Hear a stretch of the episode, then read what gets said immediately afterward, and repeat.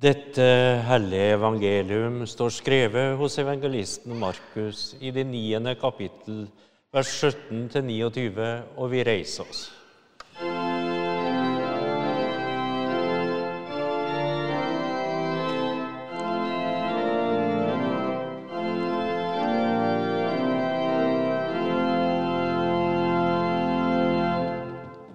En i mengden svarte, 'Mester, jeg er kommet til deg med sønnen min fordi han har en ånd som gjør ham stum.' Når den griper fatt i ham, kaster den ham over ende, og han fråder og skjærer tenner og blir helt stiv. Jeg ba disiplene dine drive ånden ut, men de maktet det ikke. Da sa han til dem, Du vantro slekt, hvor lenge skal jeg være hos dere? Hvor lenge skal jeg holde ut med dere? Kom hit med gutten. De kom med ham, og straks ånden fikk se Jesus, rev og slet den i gutten så han falt over ende og vred seg og frådet. Jesus spurte faren, 'Hvor lenge har han hatt det slik?' Fra han var liten gutt, svarte han. Mange ganger har ånden kastet ham både i ild og i vann for å ta livet av ham.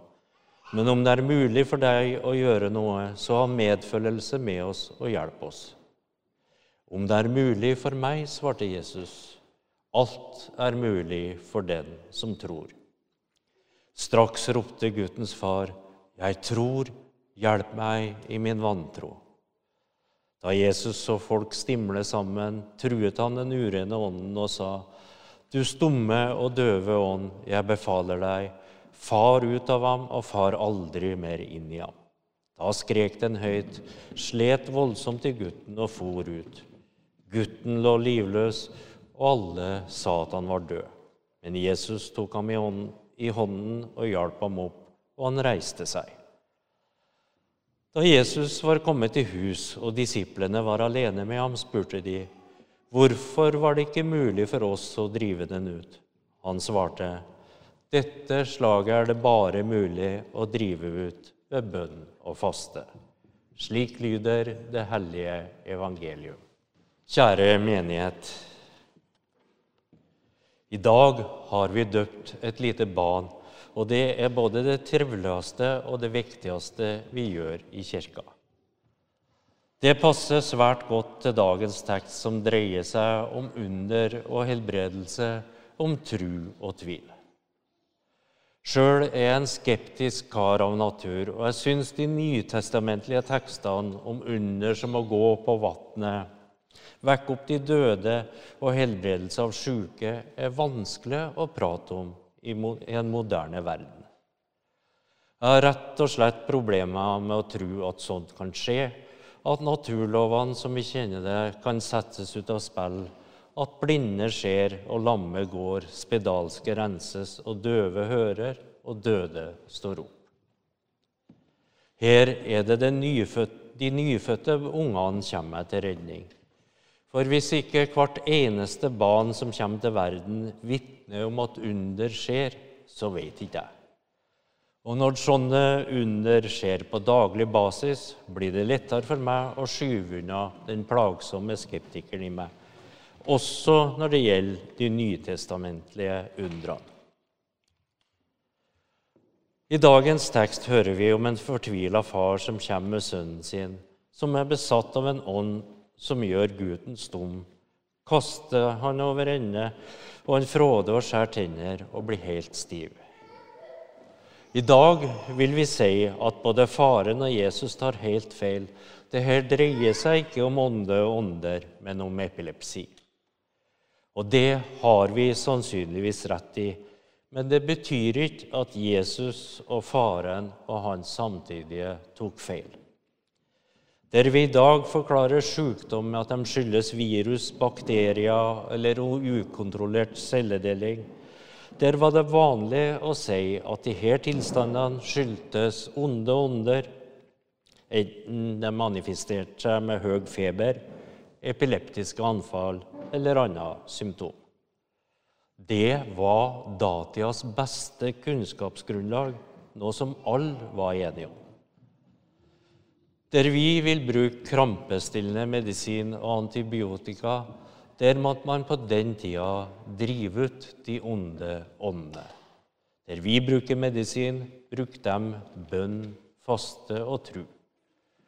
Målet var å bli kvitt symptomene på det vi ser på som sykdom, der de så manifestering av onde ånder. Faren til gutten kommer til Jesus etter at disiplene hans har gjort forgjeves forsøk på å drive ut denne gjenstridige ånden. Som vi husker, har Jesus gitt disiplene evne og myndighet til å drive ut onde ånder, altså i praksis til å drive helbredelse. Denne guttens tilstand var så alvorlig at disiplenes evner kom til kort. Det er lite i teksten som gir holdepunkter for, for, å forklare hvorfor deres forsøk slår feil, men kanskje kan vi finne et spor i Jesus' svar til faren, som fortvila spør om det er mulig for Jesus å gjøre noe for sønnen hans. Jesus sier, 'Alt er mulig for den som tror'. Kanskje var disiplene blitt litt vel sjølsikre og kanskje aldri så lite berusa av evnene de hadde fått. Muligens hadde de begynt å tilskrive helbredelsene sine egne evner og glemt at, at de stamma fra Gud.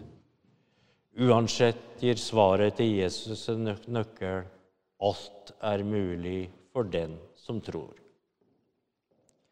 Og her kommer vi nok en gang til noe som jeg synes er svært vanskelig med en forkynnelse som legger vekt på helbredelse ved bønn og forbønn. Det blir fort sånn at når helbredelsen uteblir, så peker vi tilbake på den sjuke og sier at trua ikke var sterk nok. Men lett nå det ligge i stund. Jesus sier at alt er mulig for den som tror. Tro er derfor avgjørende viktig. Et ekko av det hørte vi i brevet til efeserne. Til slutt, bli sterke i Herren i Hans veldige kraft. Ta på Guds fulle rustning, så dere kan stå, imot, stå dere mot djevelens listige knep. For vår kamp er ikke mot kjøtt og blod, men mot makter og åndskrefter, mot verdens herskere i dette mørket, mot ondskapens ånd ånde her i himmelrommet. Ta derfor på Guds fulle rustning, så dere kan gjøre motstand på den onde dag og bli stående etter å ha overvunnet alt. Stå da fast. Spenn sannhetens belte rundt livet og kle dere i rettferdighetens brynje. Stå klar med fredens evangelium som sko på føttene. Hold alltid troens skjold høyt. Men det kan dere slukke alle den ondes brennende piler. Ta imot frelsens hjelm og åndens sverd, som er Guds ord. Gjør dette i bønn og legg alt fram for Gud. Be alltid i ånden. Våk og hold ut i bønn for alle de hellige. Og behold trua krever anstrengelse. Hold troens skjold høyt, spenn sannhetens belte rundt livet. Tru er ikke gitt en gang for all, og forbli sterk i Herren krever innsats. Å mest Gud av syne er altfor lett i vår flyktige internettverden.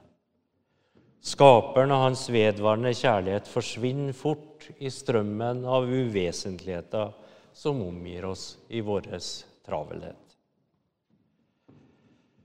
Men de fleste av oss er ikke så gode på å ikle oss Guds fulle rustning. Mange av oss vakler, og tvilen er like fremtredende som tru. Kanskje kan vi òg si at, at, tvil i betydning evnen til kritisk tenke, tenkning er et gode, noe som vi i vårt samfunn verdsetter høyt. En viss evne til tvil kan være både sunt og nyttig for å unngå at vi blir dratt inn i usunne sekter, totalitære ideologier og de villeste konspirasjonsteoriene. Det betyr ikke at å ha ei sterk tru er farlig eller usunt. Mange vil mene at tvilen er troens nødvendige mor eller tvilling.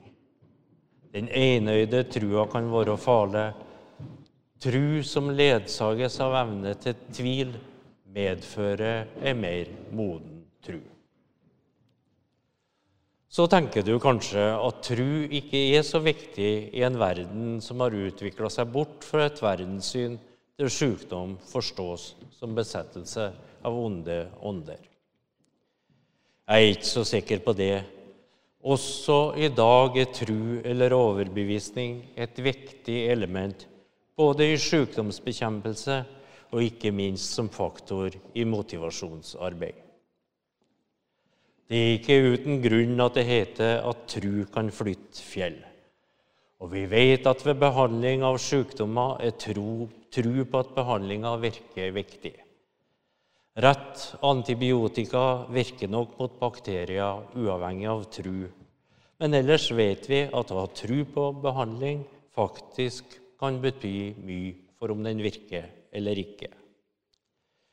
Ved røykeslutt, vektreduksjon og ved kognitiv behandling av en del psykiske sykdommer vil tru og overbevisning om det viktige ved disse handlingene eller strategiene kunne ha avgjørende betydning for resultatet. Hva så med trua på Gud? Jeg er rimelig sikker på at jeg tror på en kjærlig Gud som vil oss vel og er med oss alle dager både i de gode og ikke fullt så gode dagene, vil forandre livet vårt. Å vandre på Herrens vei og ikke sitte i spotteres sete, det gjør livet likere, rikere og enklere. Så er det vel sånn at den helt grunnfesta trua ligger langt unna oss. Derfor kjennes det så befriende ut når vi hører den fortvila faren si 'Jeg tror, hjelp meg i min vantro'. Det var nok for Jesus til at han kunne hjelpe den sjuke gutten. La det bli det som sitter igjen fra dagens preken. Jeg tror, hjelp meg i min vantro. Ære være Faderen og Sønnen og Den hellige ånd, som var, er og forblir en sann Gud fra evighet til evighet. Amen.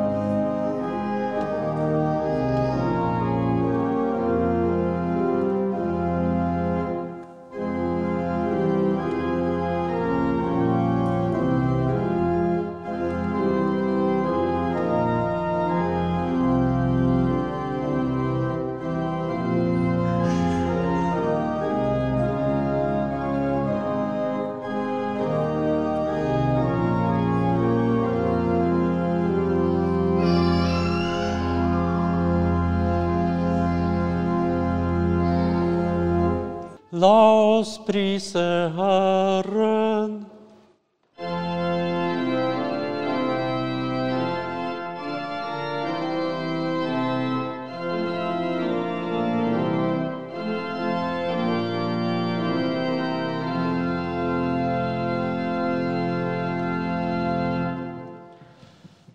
Juppmele datnem boresjonotei datnem varjele.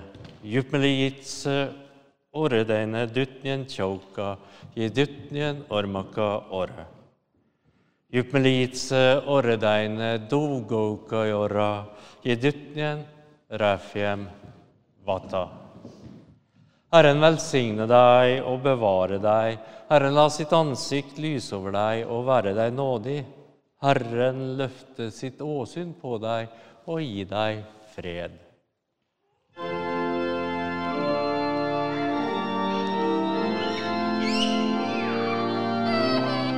Bye.